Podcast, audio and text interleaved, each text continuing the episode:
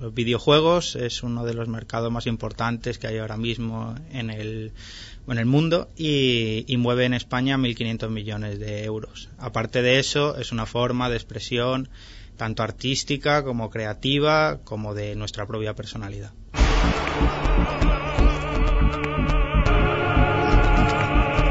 L'Hora de Plutó, amb Núria Ribot.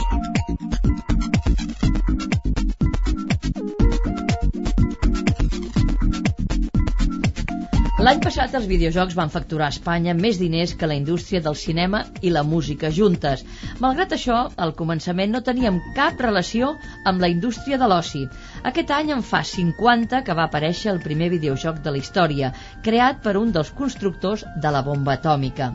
Avui, a l'hora de Plutó, parlarem de videojocs, d'immersions en mons virtuals, d'interaccions amb éssers simulats, de robòtica, d'intel·ligència artificial, psicologia computacional i ho farem amb Carlos González Tardón.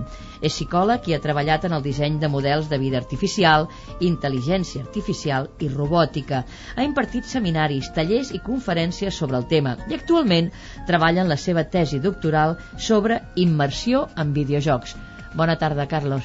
Hola. Benvingut. Hola, buenas tardes. Per què un psicòleg s'interessa pels videojocs, per la robòtica, per la intel·ligència artificial? Quina és la relació? Hombre, realmente los videojuegos y todo lo que tiene que ver con el ordenador es algo de suma actualidad desde, desde, los desde finales de los 80 y la psicología es, lo ha abandonado bastante, todo lo que tiene que ver nuestra interacción con ellos.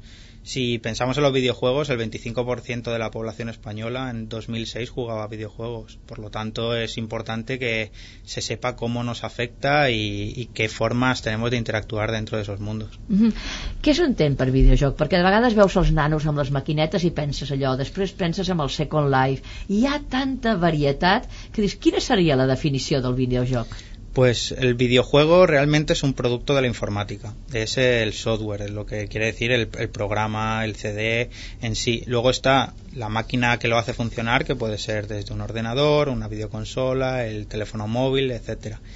Y realmente lo que caracteriza a todos los videojuegos es que el, el que lo ha programado, el desarrollador, eh, su objetivo es que sea lúdico. O sea, por eso es un videojuego lúdico, que sea divertido, antes que cualquier otra cosa. Por ejemplo, Second Life no se hizo para que fuera lúdico, sino para que fuera una forma de, de vida social. Por lo tanto, no podría ser un videojuego. Luego, aparte de eso, tiene que ser interactivo, porque, porque tienes que poder modificar lo que pasa dentro del videojuego, dentro de la historia, y lo que pasa dentro de la historia te modifica a ti. Eso lo hace diferente de, por ejemplo, las películas de animación, como es Rec y cosas así, que utilizan técnicas similares.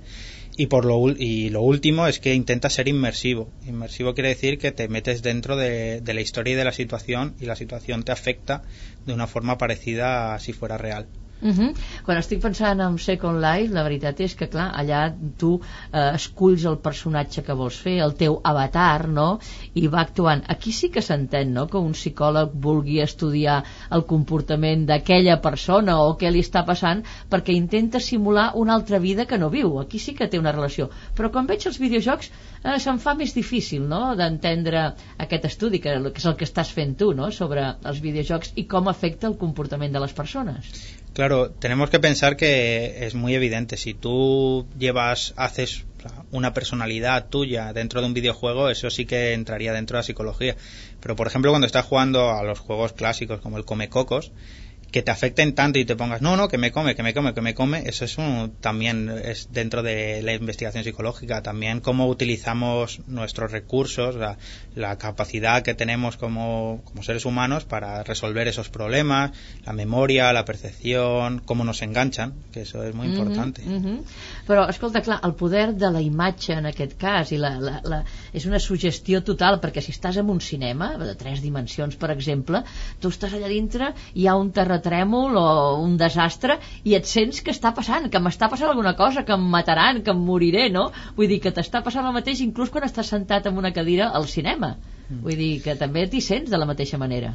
Sí, lo que pasa que en el videojuego la diferencia es que lo puedes controlar. Entonces ahí te puedes expresar esa es la diferencia con todo lo que es el cine, cine en tres dimensiones. Al poderte expresar dentro del videojuego, también lo puedes hacer tuyo de una forma más rápida y sentirte más tú. Hay muchos jugadores online, sobre todo, o sea, juegos a través de internet, que dicen que su verdadera personalidad solo se da cuando están dentro de ese juego. Uh -huh. I ara hi ha grans directors de cinema, com l'Spielberg, per exemple, que també que es passen, bueno, es passen, fan també videojocs. Potser els hi faltava aquesta part del cinema, que no hi havia la interacció, i ara entren també en un món com els dels videojocs, els grans directors de cinema? Claro, o sea, es lógico, es eh, el siguiente paso. La gente cada vez está más acostumbrado a poder interaccionar con todos sus elementos, o sea, sobre todo con la informática. Entonces, las posibilidades que dan las películas interactivas no se pueden dar de otra forma. Imaginemos que, que pudiéramos controlar a, pues no sé, un, a King Kong y en vez de subirte a la torre te quedas por abajo y destruyes todo Nueva York. O sea, eso cómo afectaría la historia, o sea, qué opciones nos podrían dar, o sea, o que sencillamente te vuelves a la selva. O sea, te abren un abanico de historias y, y de posibles tra tramas finales que no que de otra forma no podrían darse. Uh -huh. Tu acabes de dir, has insistit, no, la gran eh, popularitat i com estan entrant. Un 25% de la població espanyola està amb els videojocs a, a les mans. A què és degut tot això? Què, com s'ha produït aquest boom? El, el boom principalmente ha sido a través de bueno de, de Nintendo. O sea, Nintendo es un, bueno, es la empresa japonesa que tiene la Wii y la Nintendo DS y lo que ha intentado es coger un mercado que antes no, no jugaba, o sea, que es la gente sobre todo mayor. O sea, el objetivo principal de, de todo lo que es la, la, empresa del ocio es la gente mayor y sobre todo los jubilados porque tienen dinero y tienen tiempo. Sea que la Nintendo DS y la Wii les ha permitido poder utilizar una consola sin necesidades de tener mandos complicados ni nada por el estilo. Mm. I és curiós perquè sembla un segment de la població, una gent amb una certa edat que té una, diguéssim, quasi bé tecnofòbia, no? Perquè no han estat educats amb aquestes tecnologies i a molts se'ns fa difícil realment entrar-hi, no? És curiós que hagin pogut entrar. Vull dir, ho estan fent tan fàcil com per la gent que no ha estat educada amb aquestes noves tecnologies pugui entrar y pugui sumergirse de esta forma? Sí, sobre todo porque, por ejemplo, con la Wii, que ha sido pues, los últimos, las últimas ventas, que lo que hace es capturar tus movimientos, los abuelos pueden jugar con los nietos. Y eso ha sido el gran acierto de, de Nintendo, que, que el abuelo, por primera vez, puede estar al mismo nivel que el nieto en, en, una forma lúdica. Entonces allí much, muchos abuelos han comprado la Wii a sus nietos para poder jugar con ellos. Lo que pasa que es que luego les gusta i entonces ellos siguen. I s'enganxen, sí. i s'enganxen. Sempre que es parla de videojocs hi ha una tendència general a, a parlar, diguéssim, amb to negatiu, no?, de la violència que hi ha amb els jocs. I tu, precisament, la, la teva feina, tots els teus treballs, els teus tallers, la teva tesi, és buscar-li l'altra cara, no?, del videojoc, aquesta eina educativa que es y es importante. Sí, realmente ahí hay muchos casos de dentro de la misma psicología hay un caso bastante conocido que a través de los sim el juego es bueno es un juego que es de hacer casitas y tu propia vida y que ha vendido 100 millones de unidades o sea no es un jueguecito entonces un crío en Estados Unidos un crío adoptado rumano eh, estaba totalmente bloqueado, psicológicamente bloqueado, o sea, quiere decir, no hablaba, casi no se relacionaba con nadie no quería hablar de su pasado. Pues a través de los SIM explicó toda su vida. O sea, hizo la, su, casa, eh, su casa materna, cómo le pegaban, cómo el padre le encerraba en lugares bastante tétricos y luego hizo pues donde estaba, o sea, su internado entero y cómo les trataban. Y a través de ahí el psicólogo pudo acceder y pudo trabajar con ese crío para poder que se de, que, dejar que se bloqueara desbloquear-se. Uh -huh, uh -huh. Què ens porta finalment a, a jugar, no? aquesta passió pel videojoc en general? Que no, porta? Nos permite hacer cosas que de otra forma no podríamos. O sea, sencillamente, o sea, ¿por qué hay muchos juegos violentos? Porque en la sociedad no podemos ser violentos, además es malo ser violento, está claro, pero el videojuego como no pasa nada, o sea, eso cuando se habla de violencia siempre están esos dos, o sea, por un lado que los niños y los adultos aprenden a ser violentos y el lado contrario que dicen que es una forma de desahogo, o sea, nadie es una. O sea, si el 25% de españoles juegan a videojuegos y seguramente el 22% juegan a videojuegos violentos, tendríamos que tener una tasa de, violencia tremenda y no es así. O sea, no, no tiene no hay una relación directa.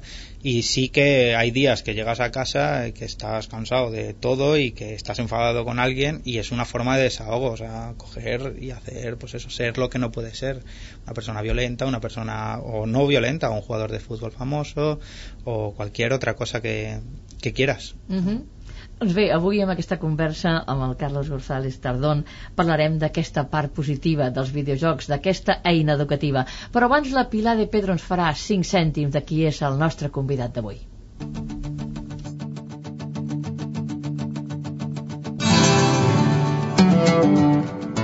Carlos González Tardón és de Madrid, però el 2001 va venir a estudiar Psicologia a la Universitat de Barcelona perquè la universitat disposava de grups de recerca consolidats en dos camps que interessaven especialment al nostre convidat, intel·ligència artificial i vida artificial. Es va llicenciar el 2004, ha col·laborat amb el grup de recerca de conducta adaptativa i interacció de la universitat i actualment fa la seva tesi doctoral sobre immersió als videojocs. Carlos González Tardón ha treballat en el disseny de diferents models de vida artificial, intel·ligència artificial i robòtica i n'ha publicat diferents articles i ponències en congressos en aquests camps. Paral·lelament, ha fet diferents intervencions artístiques basades en noves tecnologies, sobretot relacionades amb la poesia. Ha participat en audiovisuals presentats al Teatre Nacional de Toulouse, al Cercle de Belles Arts de Madrid i al Palau de la Música de Barcelona. També ha impartit seminaris, tallers i conferències a l'Institut de Recerca d'Intel·ligència Artificial del CSIC, l'Institut Cervantes de Rabat i de Casablanca, el Centre d'Art de Sevilla, la Universitat d'Oviedo i la Complutense de Madrid. Actualment, el nostre convidat treballa a la unitat docent de Casa Àsia, impartint xerrades sobre les possibilitats educatives dels videojocs, i també és entrenador a la nova escola d'hoquei adaptat organitzada per Conquedem Fundació Johan Cruyff. Carlos González Tardón està entre aquari i peixos perquè va néixer el 19 de febrer. Va caminant a tot arreu i, curiosament, no té mòbil. El nostre convidat també és jugador ocasional de videojocs i, de moment, el fet que s'hagin convertit en el seu camp d'estudi no li ha fet perdre les ganes de continuar jugant-hi de tant en tant, especialment a l'Electroplàcton, un joc que permet a l'usuari fer música. Avui ens explicarà exactament de què va tot això. Carlos, vas caminant a tots els llocs, ens diu la Pilar, i a més no tens mòbil. Això sobta, vull dir, tu que deus estar envoltat de maquinetes, que estàs estudiant aquestes noves tecnologies, la influència i que no portis el mòbil a la butxaca. Per què? A veure, eh? això també tindrà un raonament psicològic, com és que no tens mòbil. Pues sí, la verdad que hay un razonamiento muy, más que psicológico, social. Realmente cuando llegué a Barcelona quería romper con todo y, y realmente tener un móvil me unía a ciertas cosas. A mi pobre madre, que la quiero mucho, pero realmente eh, la tecnología es una herramienta y es lo que tiene que ser. No, no te tiene que llevar a, a ser hacer cosas que no quieres, o sea, por ejemplo... Dependent, dependent Claro, total, no? enganxat al mòbil total. Están, hay mucha gente enganchada al móvil y, y no tener capacidad de comunicación con otras personas es muy bueno. A. La Pilar també ens deia per això que estàs potser enganxat amb aquest, amb aquest videojoc que ha portat avui, que a mi m'agradaria que el veixiu, però almenys l'escoltaran, que és Electroplankton, i és un, un joc que em deia, diu, pots fer música? Estic fent música? Jo no en sé gens ni mica. Estic aquí tocant aquesta petita pantalleta. Mai havia tocat un videojoc. i aquí ens ho ha portat aquesta música està sonant en aquests moments amb aquesta maquineta i em deies abans, la Biompio treballa amb maquinetes semblants que per cert es va, van sortir d'una universitat de Barcelona d'uns inventors de Barcelona que van preparar què es pot fer amb tot això? perquè clar, jo estic aquí apretant amb aquesta punteta sobre la pantalla i la música que estan escoltant ara els nostres oients l'estic fent jo, estic apretant aquí tranquil·lament Pues realmente eh, lo que te permite los videojuegos es ser lo que no eres. O sea, y una de las Tens cosas... tota la raó, no, no en sé gens ni mica, no sé gens de música i la música que esteu escoltant l'estic fent en aquests moments. Ah, Realmente el videojuego eh, lo que intenta es ser lo más sencillo posible y llevarte a hacer cosas lo más complejas posible. O sea, lo que se llama eh, la emergencia de- del comportamiento complejo. O sea, tú mueves ciertos animalitos que salen en la pantalla y ellos hacen un sonido. Entonces, si haces unas formas o otras, haces una música o otras. Yo creo que, que también hay un gran desconocimiento de todas las posibilidades de los videojuegos en la actualidad. O sea, hablar de videojuegos es como hablar de audiovisuales. O sea, tú puedes pensar que un audiovisual es pues lo que hace un artista. Por ejemplo, esto está hecho por un artista japonés y es muy parecido al reactable, que es lo que utiliza Björk en sus conciertos, que está hecho en la Universidad Politécnica de Cataluña. Y, y también, o sea, también puedes pensar en una gran producción como puede ser 300 y hay videojuegos que son como esa película. Hay videojuegos que son como películas suecas de versión original subtitulada o ucranianas. O... Hay, hay mucha variedad y, y no se puede hablar de algo en concreto. Por eso yo siempre digo que el tema de las de, violencia y todo lo que tiene que ver, hablan de un tipo de videojuego, el videojuego violento, però no de los videojuegos en general. Uh -huh. Malauradament és el que més se'n parla, però avui la veritat és que ens agradaria descobrir aquesta, aquesta part, per això t'hem convidat al programa. Fa 50 anys que van sortir els videojocs. Jo quan llegia no m'ho podia creure, em semblava que era una cosa de les dar dels darrers anys, no? I a més no va sortir de la indústria de l'oci, perquè el videojoc es considera a l'oci, no? Tot i que poden tenir les aplicacions pedagògiques, etc etc. no? Va sortir con tantas cosas de la tecnología, de la industria militar. ¿Cómo va eso? Pues realmente es que eh, los videojuegos y todo lo que tiene que ver con los ordenadores han estado muy unidos. O sea, de hecho, el inicio de los ordenadores fue Alan Turing, que era un inglés, y lo primero que dijo que para que un ordenador fuera inteligente tendría que saber jugar al ajedrez. Es un juego. Uh, luego, en los años 50 fue cuando se empezó el primer videojuego, que era Tennis for Two, que, lo hizo pues una persona, un, un, técnico que estuvo trabajando en la bomba atómica. Lo que intentó fue que vieran la tecnología desde un punto de vista más interactivo. Entonces utilizó un programa que realmente pues era una pelotita que iba de un lado a otro del campo como si fuera el tenis con contaba el viento y la gravedad y todo eso. Pero lo que realmente hacía funcionar ese videojuego era un programa de alto secreto americano que simulaba el lanzamiento de misiles nucleares de Estados Unidos a Rusia y vuelta. Entonces lo que simulaban realmente era una guerra nuclear, pero él lo utilizó para hacer un juego de tenis que fue muy famoso pero no era comercial, o sea, era una cosa que estaba en un, en un laboratorio de energia nuclear. Uh -huh. eh, tu has dit que realment per ser intel·ligent eh, un videojoc hauria de guanyar una partida d'escacs i va passar, el Deep Blue. Sí. Va passar i Kasparov, no era? Sí. Kasparov eh, va guanyar aquella màquina però molts diuen que per exemple en pòquer no guanyaria que al pòquer hi ha molts faroles que se'n diu, molta mentida o també s'ha creat ja el videojoc o el programa que pugui fer tot això Hombre, realmente hay muy pocos juegos que. O sea, el, el, un ordenador actualmente de sobremesa eh, puede ganar a casi todos los grandes maestros en ajedrez ahora mismo. Eh, en una partida rápida, eso se demostró aquí en el Cosmo Kaisa, están muy especializados en hacer cosas de ajedrez y, y, y vinieron y jugaron dos, dos grandes maestros contra un ordenador casero y ganó el ordenador casero, además les barrió.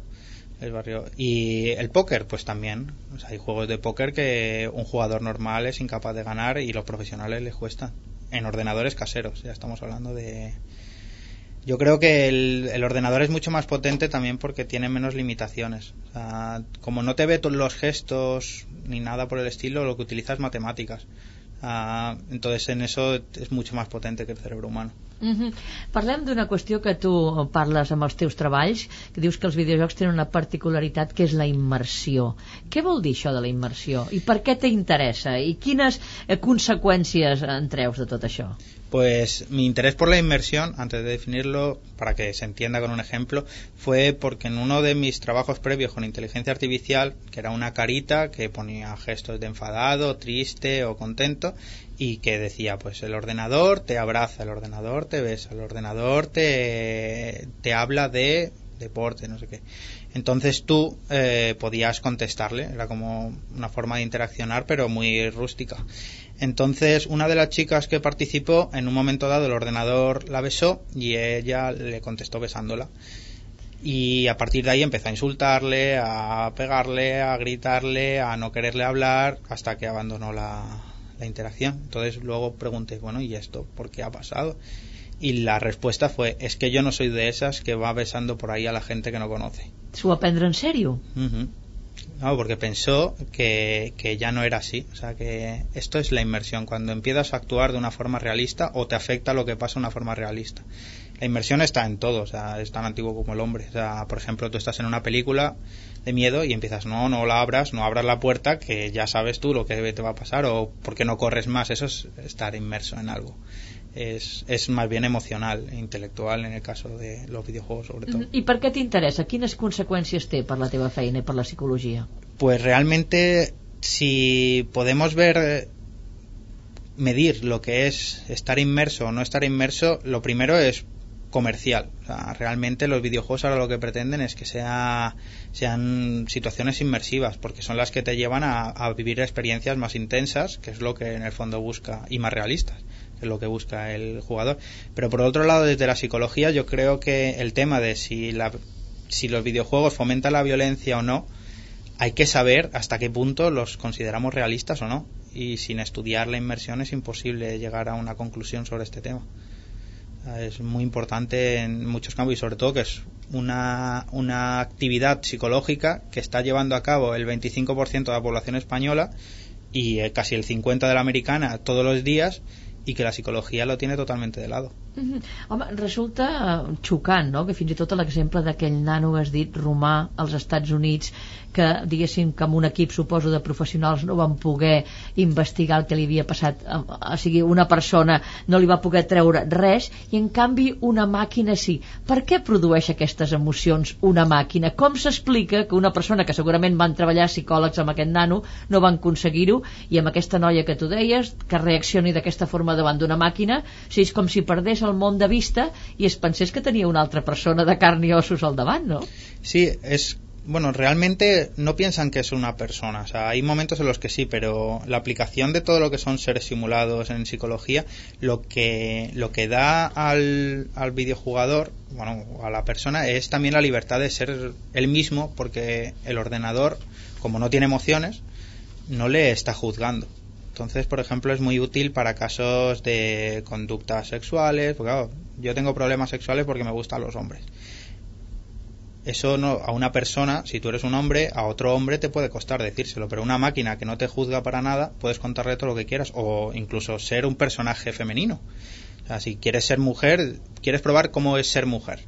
Entonces la sociedad nos tiene muy vetado todo esto, excepto los carnavales. Es una explicación de por qué los hombres se visten de mujer. Uh, perquè quieren vivir el otro rol. Home, el Second Life n'hi ha molts d'aquests, eh? Sí, Vull dir, aquest canvi de sexos a Second Life també ho demostra. Sí, además Second Life también hay que decir que ha sido un poco inflado. O sea, realmente Second Life no es un fenómeno tan, tan, tan grande como dicen. O sea, hablan de 5 millones de usuarios, cuando realmente activos son como 100.000, 120.000. Pero, por ejemplo, un videojuego que es el World of Warcraft, que es el videojuego online, tiene 10 millones de usuarios constantemente jugando. Estamos hablando de 10 millones de usuarios, es, muy, es dos veces la población de Cataluña, o un poco más incluso. Sí, sí. Pues eso en, Som set, però bueno, sí, sí, no, sí. Pues, pues un poquito menos de la, Uh -huh, del doble de, uh -huh. la, de la población de Cataluña jugando constantemente. Es un, es un país. Es un país mayor que, que muchos que están dentro de la Unión Europea. Carlos, fem una pausa amb la paraula i escoltem música. Has escollit eh, chanson flamenca i has escollit No me arrepiento de nada.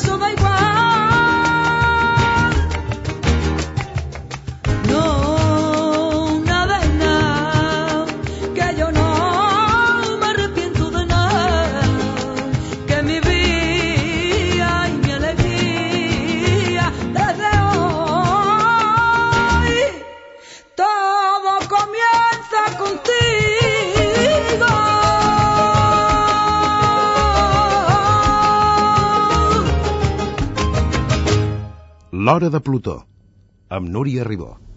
I continuem la conversa amb Carlos González Tardón, psicòleg especialista en oci i videojocs.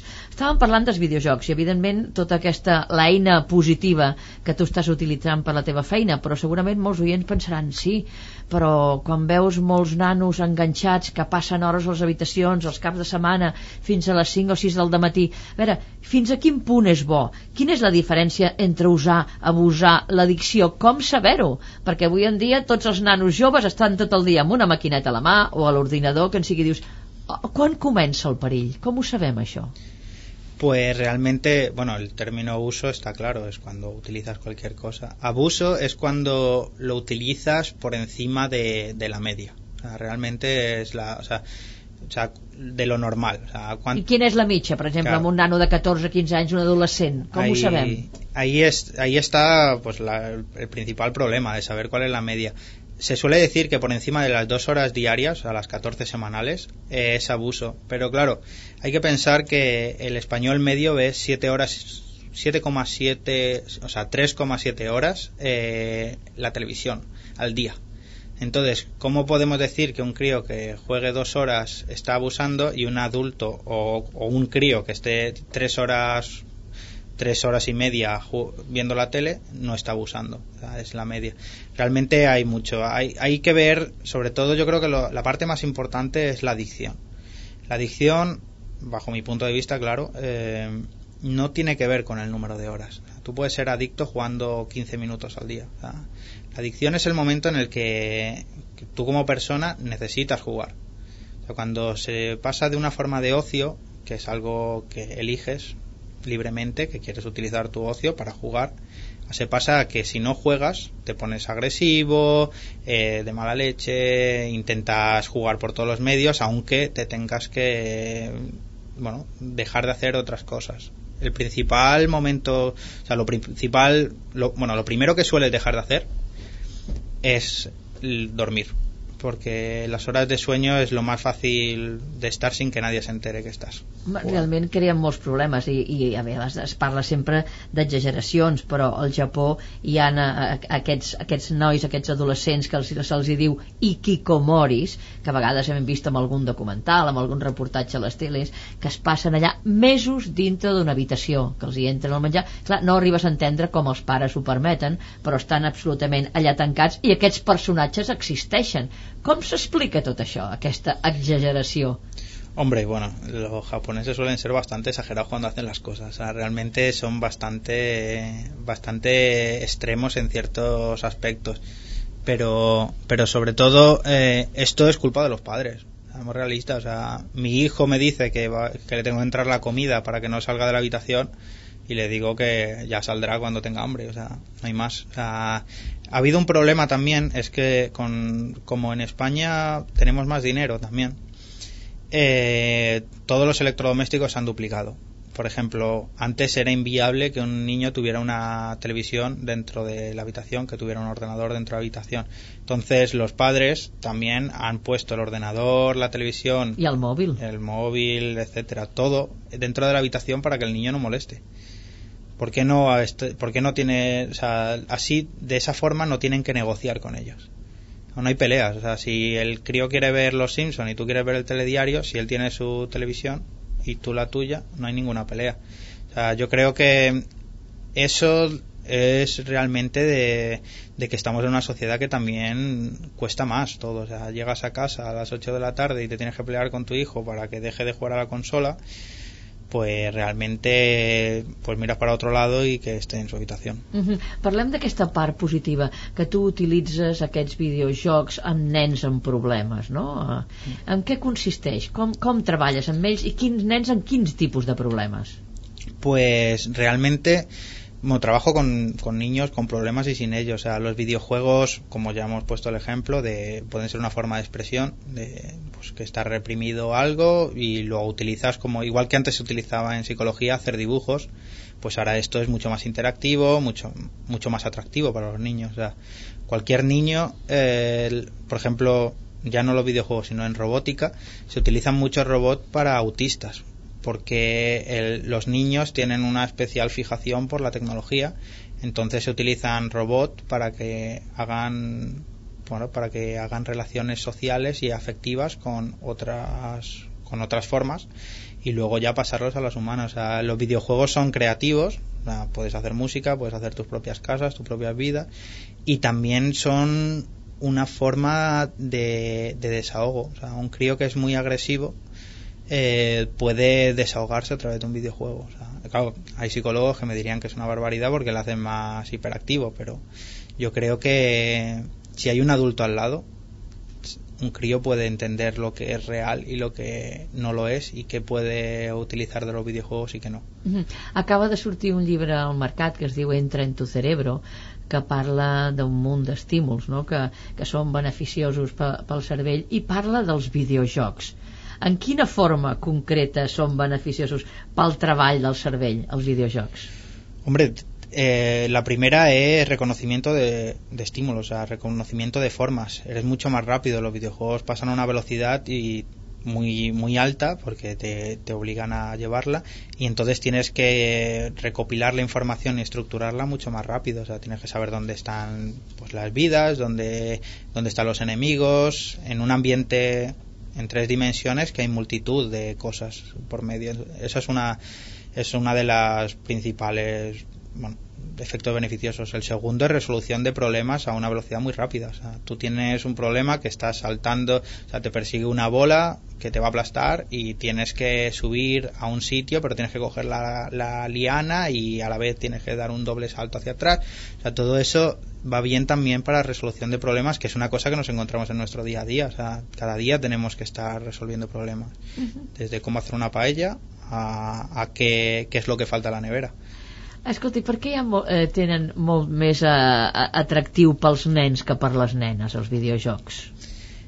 Eh, hasta hace relativamente poco sí, porque es que los, los temas eran muy muy de niños, eran como las grandes gestas, los deportes, etcétera, pero desde, desde los Sim, que fue el que cambió todo, o sea, los Sim salió en el año 2000 y fue el primer videojuego que la mitad de los jugadores eran mujeres.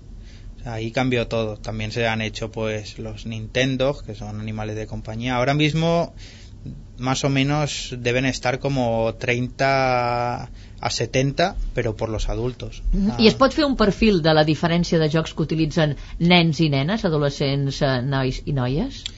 Cada vez menos, pero el, el más obvio es juegos deportivos. Los juegos deportivos los utilizan hombres y, y, los juegos que son más de pets, de, de, lo que son animales, cuidar de animales o hacer vidas tipo rol, pero más sociales, suelen ser más mujeres, pero cada vez se está difuminando más esa diferencia. Uh -huh.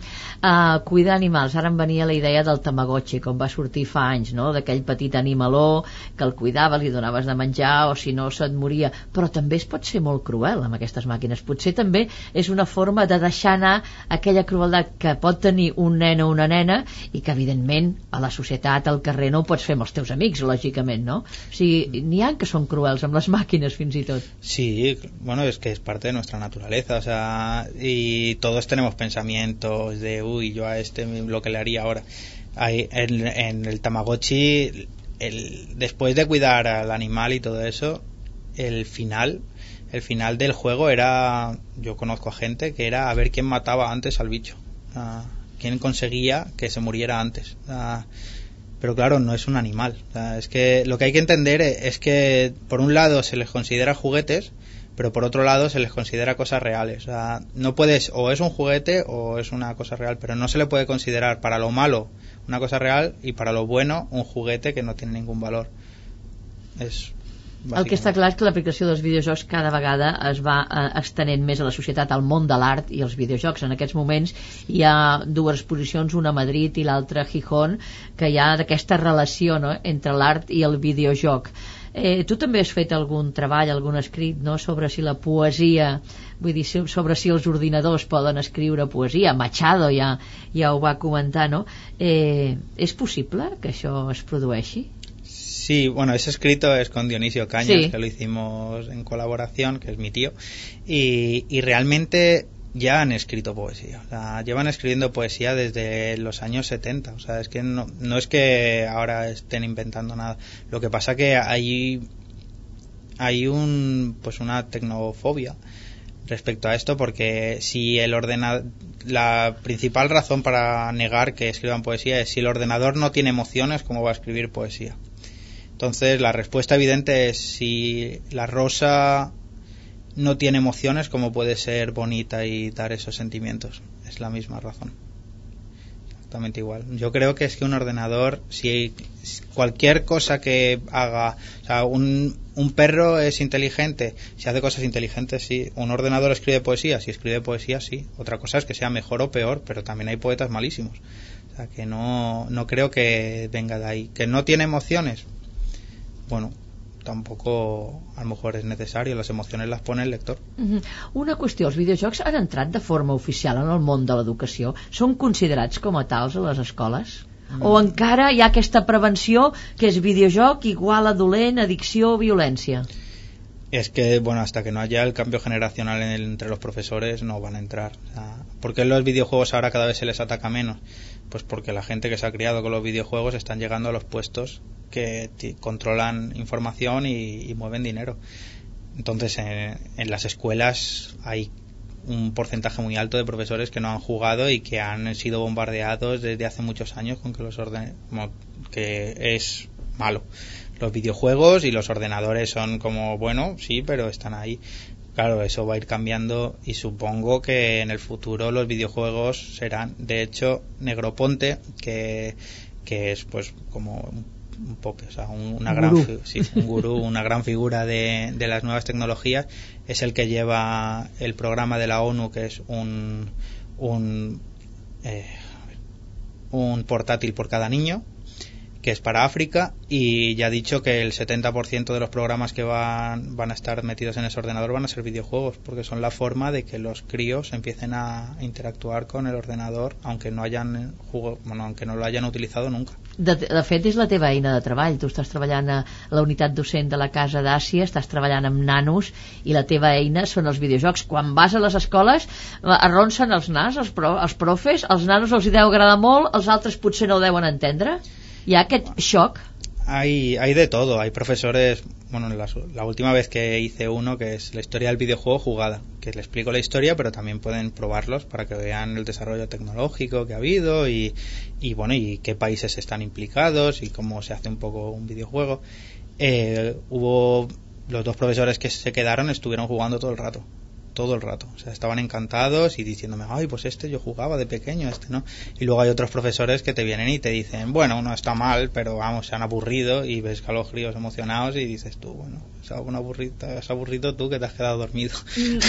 Els profes, com tu dius, encara no, no hi ha aquest canvi generacional, potser. Però i l'administració, per exemple, els departaments d'educació dels governs, no del nostre, del que sigui. Les administracions, els que porten la política educativa dels diferents governs, eh, ho tenen en compte? Estan amb? En absoluto.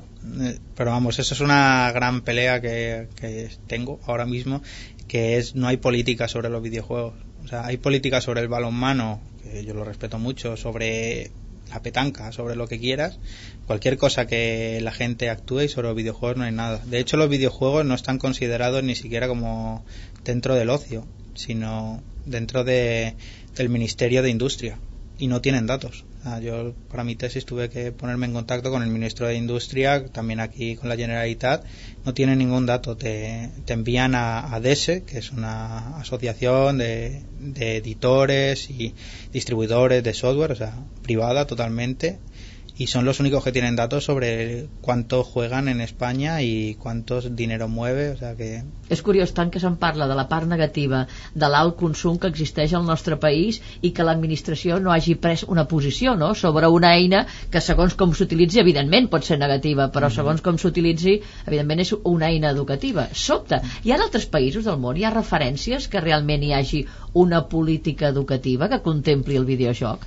¿Y la seva incidencia? En Estados Unidos se intenta, se está intentando llevar. Lo que pasa que Estados Unidos tiene esa doble moral, que es peligrosa. O sea, de hecho, cuando salieron los primeros videojuegos, para que se entienda un poco, cuando salió el Pac-Man, el Comecocos, que era, tú eres un personaje que vas cogiendo pues, dibujitos y unos fantasmas te persiguen para, para comerte.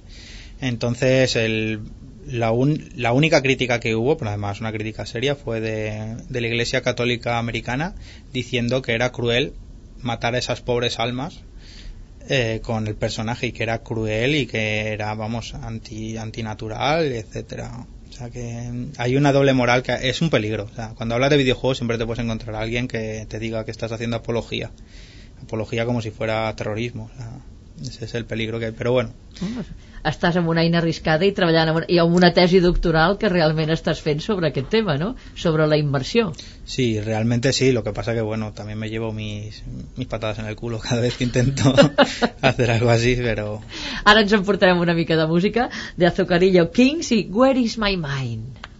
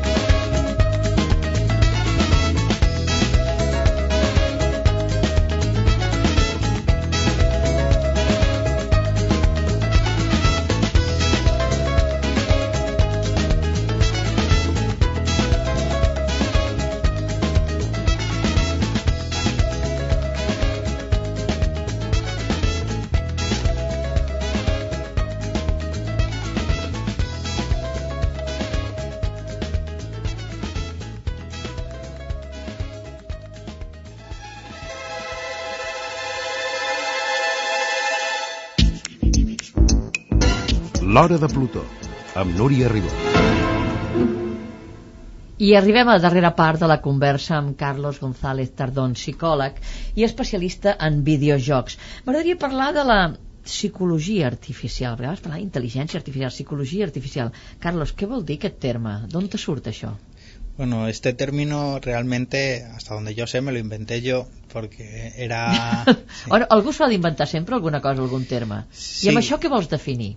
Pues realmente fue la diferencia entre fue a través de cuando tuve que ir a hacer el seminario en el Instituto de Inteligencia Artificial la- lo primero que les dije es que ellos no hacían inteligencia artificial y que los psicólogos tampoco hacíamos inteligencia artificial, sino que nosotros hacíamos psicología artificial, o sea, desde el punto de vista de la psicología pura intentábamos hacer algo artificial y ellos lo que hacían era inteligencia informática, o sea, porque lo que hacían era lo que ellos creían que era la inteligencia, hacerlo de una forma, o sea, desde la informática programarlo y, y no era posible hacer inteligencia artificial si no estábamos trabajando juntos, los informáticos y los psicólogos. Entonces yo con eso lo que intento decir es toda la rama de la psicología que estudia ambientes artificiales y interacción de seres humanos con, con situaciones artificiales, robot, chatbot, chatbots son robots de o sea, lo que encuentras en los chats, los chats, en los lugares de conversación de internet, hay ciertos programas que están allí eh, y te preguntan cosas y te contestan de una forma lo más natural posible. También videojuegos, eh, Second Life, etcétera. La Mhm. psicología artificial. A veure, això que has dit chatbot, els chats sí que sé el que és dintre internet, persones entre persones, però quan és chatbot vol dir que una persona està xatejant o parlant amb un robot? Sí, de hecho hay muchos, o sea, los robots en Internet son muy comunes, desde los que van buscando información, Google tiene bot, robot que se dedican a visitar las todas las páginas web y sacar la información y luego en los chats hay ciertos robots que son de conversación que puedes hablar con ellos A y- veure, explica'm això. Tu li pots, parlar, pots parlar una conversa amb un amic de- d'actualitat, de, de cinema, o voler-te'l lligar, no? Mm. Mm. Senzillament, voler-te'l lligar. Clar, la resposta del robot està preparat per tota aquesta mena de coses? O realmente és aleatori? Pues un poco de todo. O sea, realmente lo que los chatbots se iniciaron al principio de la inteligencia artificial, o sea, hace, hace 50 años, 60 años, empezaron a pensar que realmente los chatbots intentaban conseguir el reto de la inteligencia artificial. La inteli- un ordenador es inteligente, Turing dijo que era, necesitaba jugar al ajedrez, etcétera, hacer poesía, también era uno de los objetivos de Turing, pero la prueba de Turing eh, que es para saber si es inteligente o no, es que un humano estuviera hablando a través de, bueno, en aquel momento era, era a través de telégrafo, pero ahora sería a través de internet, eh, con un ordenador y que no pudiera diferenciarlo si es humano o ordenador. Entonces ese es el test de Turing, que se llama, y es la forma de saber si un ordenador. Entonces los chatbots sirven para desde recoger información, o sea, por ejemplo, hay muchos chatbots que son mujeres que van a hombres y empiezan a ligárselos y son robots. Però que no acabes en res, perquè clar, si estàs amb un robot allà, allò no, no acaba en res, no quedes a les 6 a la plaça Catalunya, per dir així. Bueno, realmente hay sexo en, en internet que no que se queda en internet. O sea, allí y sobre todo sirven para recoger información desde correos electrónicos, tu nombre, edad, para saber, para hacer estadísticas, básicamente, o, o bueno, para eso, o para entretener a la gente. Si estás solo en un chatbot, la gente se aburre y se va. Entonces, Escolta'm una cosa, Carlos, com a psicòleg jo diria normal per entendre'ns. Quina seria la teva eh, conclusió de veure que els humans, les persones, cada cop estem interactuant més amb màquines? Vull dir, quina és la conclusió que un psicòleg en pot treure tot això? Estem parlant de psicologia artificial, si amb tot això creem una rama que hi ha doncs per descomptat d'aquesta relació entre la persona i la màquina, vull dir, això que ens porta com a psicòleg eh, mm, està, anem pel bon camí? És una nova faceta? És una possibilitat més? O ens estem tancant a l'ésser que és el nostre veí i realment a l'igual amb nosaltres?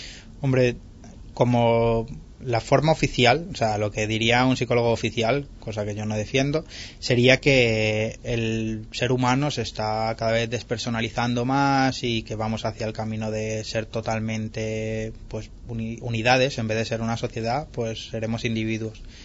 Pero yo creo que en el fondo lo que estamos haciendo es que todo sea más agradable de usar. O sea, en vez de despersonalizarnos nosotros, lo que estamos haciendo es personalizando nuestras cosas que nos rodean para que no sean máquinas, sino que sean algo realmente agradable de usar. Es una forma usabilidad, o sea, que sean más usables y, más listos. Sí, però jo continuo pensant que si aquella màquina algú l'ha programat, Mm. Vull dir, eh, però l'ha programat amb uns límits, en, en el fons estàs parlant amb una persona, però una persona que la discussió o la conversa o l'intercanvi tindrà un límit, mm, no podràs anar massa més enllà com una conversa, no saps mai on te pots arribar. Aquí sí, saps que tens un límit perquè és una màquina, que li hem posat a dintre una informació i prou. Realmente sí, pero si piensas en, en el tiempo que puedes hablar con una persona del cine sueco, también hay un límite. O sea, realmente los límites los tenemos todos y las máquinas también. Pero ¿cuál es la función de la máquina? ¿Darte conversación o darte conversación a la vez que te está bajando cosas de internet, te está calculando lo que vas a ganar el año, el año que viene, etcétera? Esa es la idea. La veritat és que amb aquesta conversa amb tu se'ns ha obert, i sobretot a la gent que no, que no hi estem gens ni mica posats, se'ns ha obert un món de possibilitats i descobrir noves coses. I em sembla que pels que encara els hi queden més per descobrir, estàs preparant un llibre, no? Que seria una mica el que hem parlat avui i moltes coses més, no?, entorn dels videojocs. Potser des, desfer moltes coses que són eh, errònies sobre el món dels jocs, ¿no? Sí, real, bueno, el libro se llama Introducción a los videojuegos y es eso, es introducir al videojuego pero de una forma global. O sea, desde la historia, que el abuso, la violencia, o sea, todo lo que nos, los, nos podemos preguntar de un videojuego en 30 páginas, 40 páginas para que se entienda. Uh -huh. I això ho veurem aviat. Uh -huh. Espero que sí. Carlos, se'ns ha acabat el temps, ho deixem aquí i acabem amb Blur, amb On Your Own.